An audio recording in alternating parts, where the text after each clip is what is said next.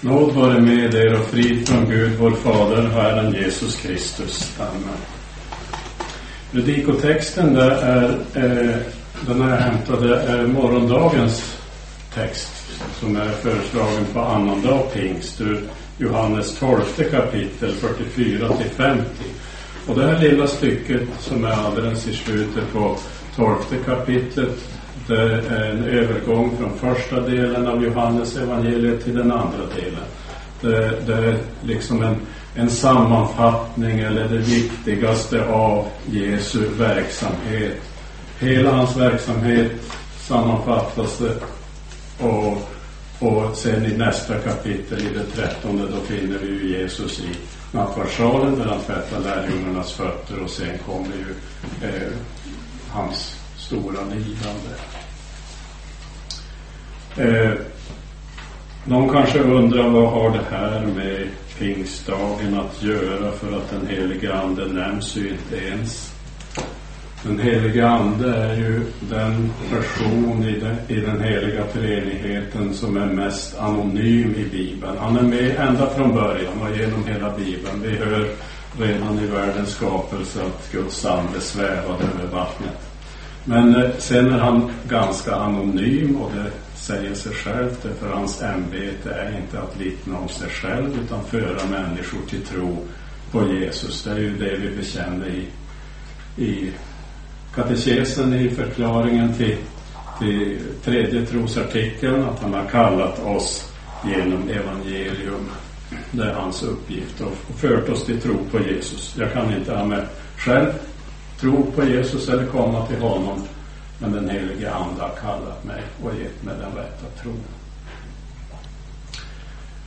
Så vad vi nu ska höra det är den tro. Vi ska höra om den tro som den helige Ande verkar för att vi ska bli frälsta. Vi läser ur Johannes 12 och börjar på 44.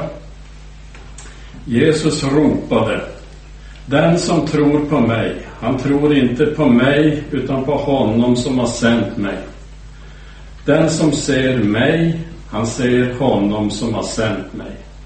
Jag har kommit till världen som ett ljus för att ingen som tror på mig ska bli kvar i mörkret.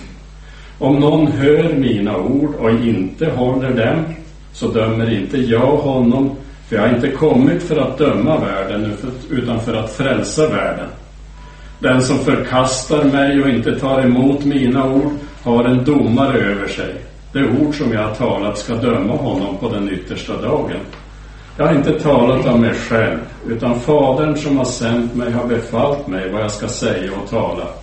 Och jag vet att hans befallning är, är evigt liv.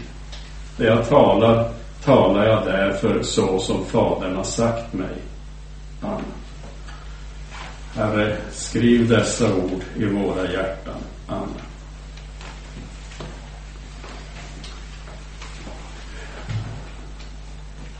Vår kära vän Ulla dog i natt.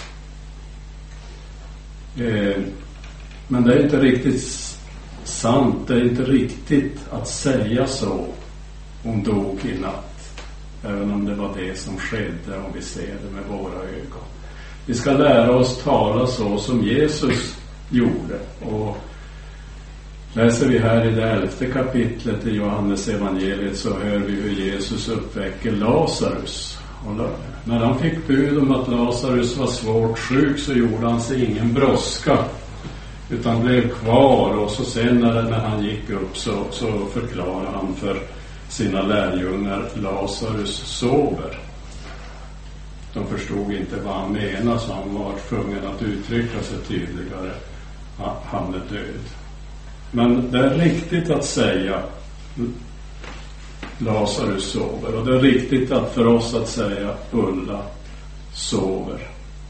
För det, det är riktigt att säga så om en människa som väntar på uppståndelsen, på uppståndelsens dag.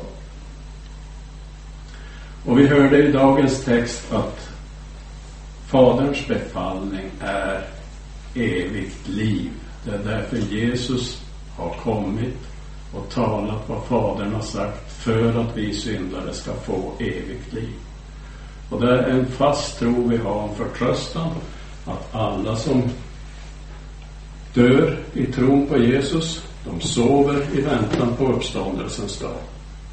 Och att en människa dör, en kär vän, en församlingsmedlem, det är en påminnelse för oss själva om vår dödlighet.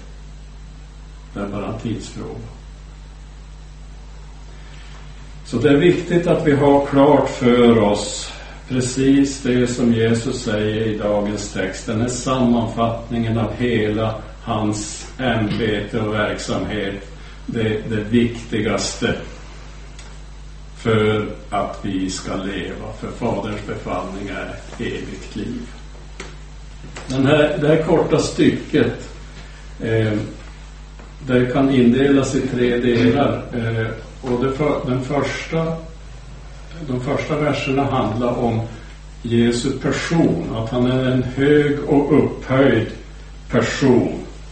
Han är ett med Fadern och därför kan tron på honom inte skiljas från tron på Fadern. Det är en och samma tro och det är den tro som den helige Ande verkar hos oss. Jesus har kommit för att uppenbara för oss hurdan Gud är och den som har sett honom har sett Fadern.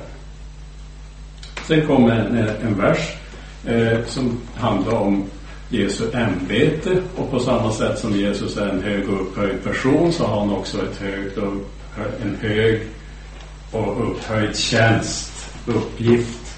Han har kommit som ett ljus till vår mörka värld med sin sanning och sin rättfärdighet. Och så sen så kommer så fyra verser som handlar om hur helt avgörande det är för varje människa. Det är avgörande för oss var och en hur vi ställer oss till Jesu ord. För han har talat det han har fått från Fadern. Så hans ord är på samma gång Faderns ord. Och därför ska en dag domen komma över var och en som förkastar hans ord. Så den som förkastar Jesu ord har förkastat själva livet från Gud. Så den sista delen handlar både om tron och om otron. Men vi ska börja med det första. Vi, vi hörde Jesus ropa så här den som tror på mig, börjar han. Och det, de orden tar oss ju till själva kärnan av Jesu hela liv och verksamhet. För Jesus han, han levde och verkade, han, han arbetade och, och undervisade för att människor skulle komma till tro på honom. Och allt beror på tro. Vår tro. Men tron är falsk om den inte har rätt trosföremål. Så det spelar ingen roll om man har en stark tro så är det ändå ingen frälsande tro om inte trosföremålet är rätt. Och vad är trosföremålet? Jesus Kristus. Det är den, rätt, det är den rätta tron som omfattar Jesus. Den som tror på mig. Så vad ska vi säga, vad är det viktigaste en människa kan säga. Något som kommer ur hjärtat som är det allra viktigaste en människa kan säga överhuvudtaget. Tror det är jag tror på Jesus Kristus. Eh, men den som tror på Jesus tror inte bara på honom utan på den som sänt honom. Och, och där fadern, judarna, borde ha känt honom väl eftersom de i de heliga skrifterna hade Guds mäktiga uppenbarelse. Men när Gud äntligen sände sin enfödde son och han trädde fram, då kände de inte igen sonen och de tog inte emot honom. Och orsaken varför de inte kände igen sonen Orsaken till varför de inte tog emot honom var att de aldrig hade lärt känna Fadern. Och de vägrade också att lära känna honom. De ville inte. För när Jesus visade vem som sänt honom så tog de inte emot det vittnesbördet.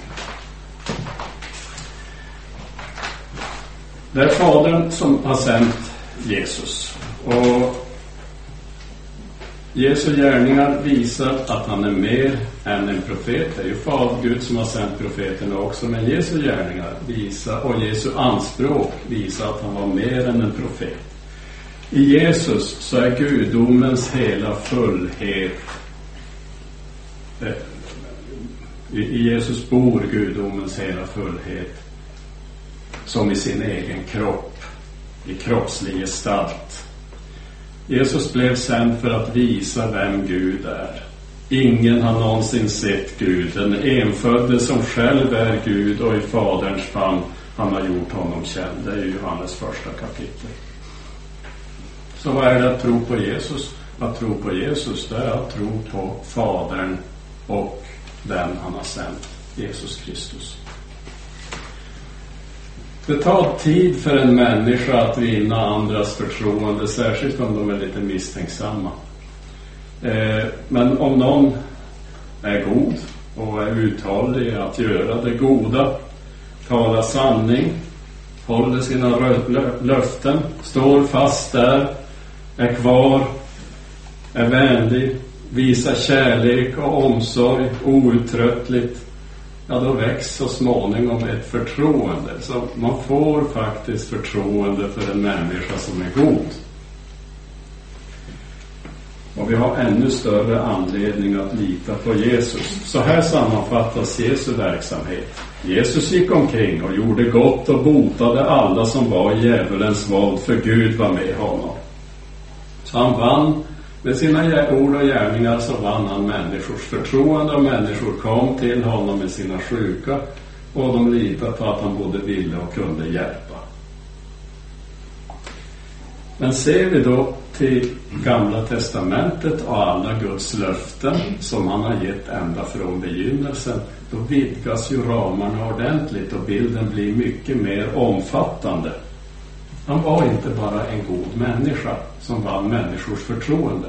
Han var inte bara en profet som, som var sänd av Gud för att göra det goda. Han blev sänd av Fadern för att uppfylla alla Guds löften om frälsning för oss syndare. Så hans stora frälsningsgärningar, hans ställföreträdande li, li, lydnad, hans ställföreträdande lidande och död, Hans begravning, hans uppståndelse, hans himmelsfärd, allt det han har sagt och gjort, det väcker vår tro, vår förtröstan, vår tillit till honom. Och så förstår vi, vårt enda hopp för vår frälsning, det är att tro på Fadern och den han har sänt, Jesus Kristus. Jesus sa, den som ser mig, han ser honom som har sänt mig. Och det här har ju samma betydelse som det tidigare, det handlar om tro. Så att se, det är ju att tro i det här sammanhanget. Lärjungarna såg honom. De såg honom på förklaringsberget också, där de såg hans härlighet. Såg de med sina ögon. De såg honom och de trodde på honom. Genom tron så såg Abraham honom långt i förväg. Genom tron så ser vi också honom i hans ord. Och så hör vi att sonen är inte skild från fadern. Det heter så här i Hebreerbrevet. Sonen är utstrålningen av Guds härlighet och hans väsens avbild. Och då förstår vi att allt vad fadern tänker och vill det är till fullo uppenbarat i Jesus Kristus. Fadern och Sonen är ett. Så vi ska inte tänka att Fadern är någonting annat, att han är annorlunda, att han vill annorlunda, att han säger något annorlunda än vad vi hör och ser hos Jesus. Jesus har uppenbarat hur Gud är.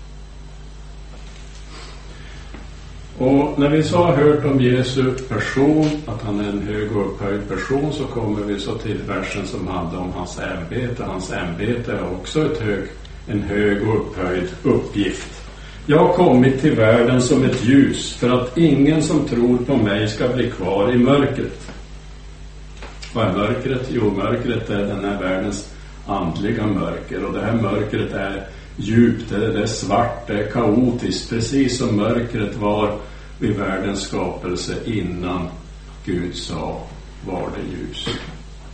Först då ljuset kom. Annars var det mörker. Men det här mörkret är ju inte vanligt mörker. Det är syndens och dödens mörker och Jesus kom för att, som ett ljus för att driva bort det mörkret. Och Jesu uppgift angår oss personligen, så nu kommer någonting som ni kan prova i era biblar. Eh, han har kommit för att driva bort syndens och dödens mörker för att ingen som tror på honom ska bli kvar i mörkret. Och, och det här ordet ingen, det är egentligen likt en, en blank rad i sammanhanget där vi var och en kan fylla i vårt eget namn.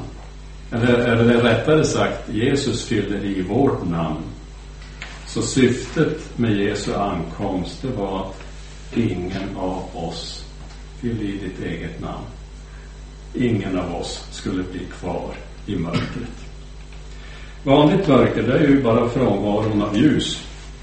Men det mörker som Jesus talar om, det är en, en ond makt som håller människor i otro och okunnighet med falsk lära och andligt bedrägeri som leder till evig död. Och att bli kvar i mörkret, vad är det? Ja, det, blir, det är ju att vara kvar under den här onda makten som för oss till evig död. Jesus, det sanna ljuset, måste komma och fylla hjärtat med tro för att vi ska bli frälsta. Och vi tackar, vi är så oändligt tacksamma mot Herren som har kallat oss från mörkret till sitt underbara ljus. Och samtidigt så är vi så, så sorgsna när vi ser hur människor som har fått tillfälle att lära känna Jesus, som har fått tillfälle att bli upplysta med frälsningens ljus, ändå föredrar det här kalla, djävulska mörker som för till evig död. Eh, och så kommer så den, den tredje, eh, tredje delen, de verser som är kvar, där Jesus talar mer om otron, eller han talar både om tron och otron. Och allt det han säger här förutsätter att evangeliet går ut i världen och blir förkunnat för oss människor. Och det är ju så, så det sker. Det är inte vi som kommer till honom, utan han som kommer till oss i sitt ord, eller egentligen så är det den helige Ande som kallar oss genom evangelium. Men det måste bli förkunnat. För att någon ska höra så måste det förkunnas. Och det är en förutsättning när Jesus säger om någon hör mina ord. Alltså, det förutsätts att evangeliet blir förkunnat. Och Jesus säger då så här. Om någon hör mina ord och inte håller dem så dömer inte jag honom. För jag har inte kommit för att döma världen utan för att frälsa världen. Vad är det att inte hålla Jesu ord? Ja, det handlar inte om lydnad på samma sätt som buden i Mose lag kräver lydnad, utan att, att inte hålla här, det handlar ju om att inte ta emot i tro, att inte tro. Så att istället för att ta emot den oerhört värdefulla gåva som är, som är långt mer värt än, än guld och silver, Istället för att ta emot en oerhört värdefulla gåva som evangeliet ger så förkastar man det och man skjuter undan det från sig som någonting värdelöst. Och när Jesus säger att han inte dömer den som behandlar evangeliet så illa, han dömer inte den som behandlar ordet så illa, så syftar han på sin verksamhet när han kom, sitt jordeliv och den uppgift han blev sänd att utföra. Fadern sände inte sin son för att döma världen, utan för att världen skulle bli frälst genom honom. Och världen behövde ingen dom. Dom var väl ungefär det minsta som världen behövde i det läget. Hela mänskligheten var ju redan dömd på grund av sina synder. Det var frälsning mänskligheten behövde. Och Jesus han har kommit, inte för att döma världen, utan för att frälsa. Men den som inte tror på honom har ändå en domare över sig och ska en dag bli dömd. Jesus den säger så här, den som förkastar mig och inte tar emot mina ord har en domare över sig. Det ord som jag har talat ska döma honom på den yttersta dagen. Att förkasta Jesus, det, det låter ju ganska, ja, att förkasta Jesus innebär det att man måste gå till attack mot honom eller, eller hånfullt eh, eh vara aktivt hånfull mot evangeliet. Nej, den som inte tar emot Jesu ord har förkastat honom. Och med det så har han också fått en domare över sig och han har en dom hängande över sig som en dag ska verkställas. Men tack och lov så är det en dom som kan ändras. Så länge det finns liv så finns det hopp. Det finns hopp om omvändelse.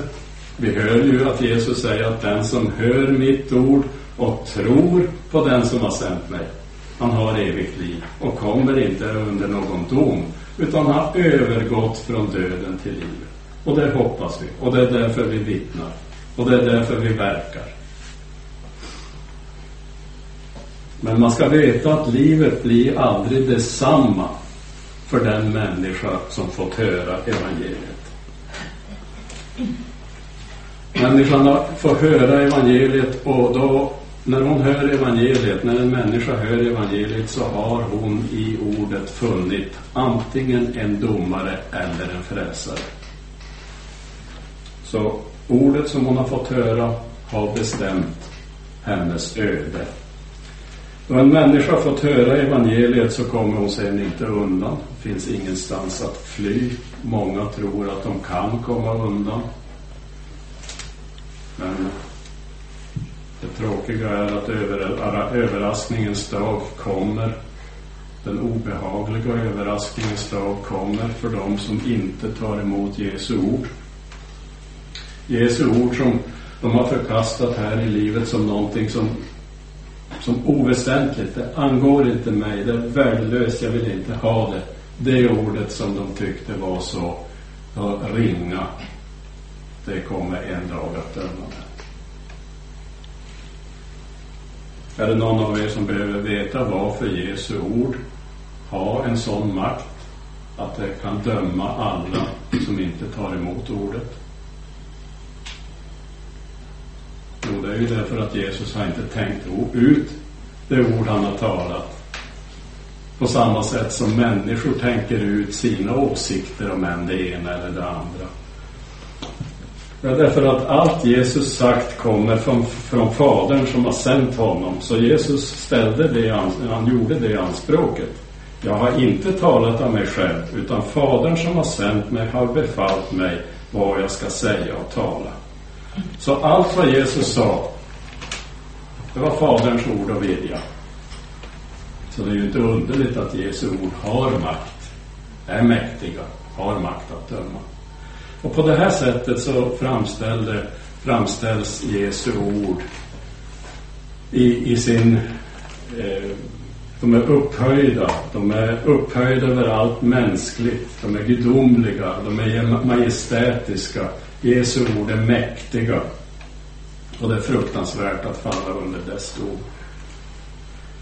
Men återigen så betonar Jesus att det verkliga syftet, det egentliga syftet med ordet, det är ju inte att någon ska bli dömd, utan att vi syndare ska få evigt liv.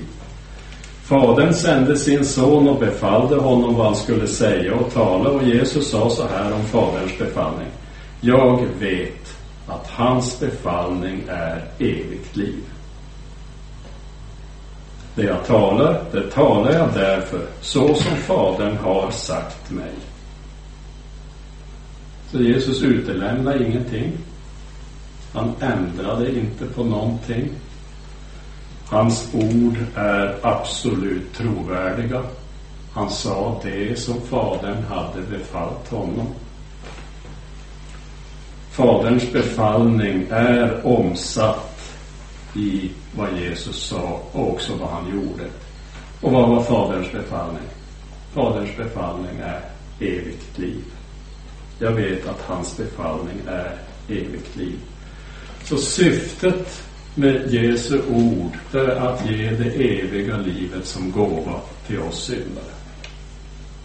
Och var och en som har tagit emot hans ord eh, har evigt liv och har också den trygghet och den glädje som det innebär. Har den trygghet och den glädje som det innebär även när man känner och ser att kroppen tynar. Så den som har tagit emot Jesu ord kommer att passera död och grav utan att ta någon som helst skada för att gå in i himmelens härlighet. Amen. Låt oss be. Kära Herre Jesus Kristus, vi tackar dig för att du har sänt den helige Ande att kalla oss genom evangelium och ge oss den rätta tron, tron på dig. Hjälp oss att bevara ditt ord i våra hjärtan. Hjälp oss att hålla fast vid dina ord i fara och frestelse. När vi är stressade, när vi är trötta, när vi har ont, när krafterna avtar. Hjälp oss att bli frimodiga vittnen så att ditt ord som tröstar våra hjärtan också får komma andra till del och kalla våra vänner som ännu inte tror från denna världens mörker till ditt underbara ljus. Hjälp oss att tacka och ära dig med hela vårt liv. Amen.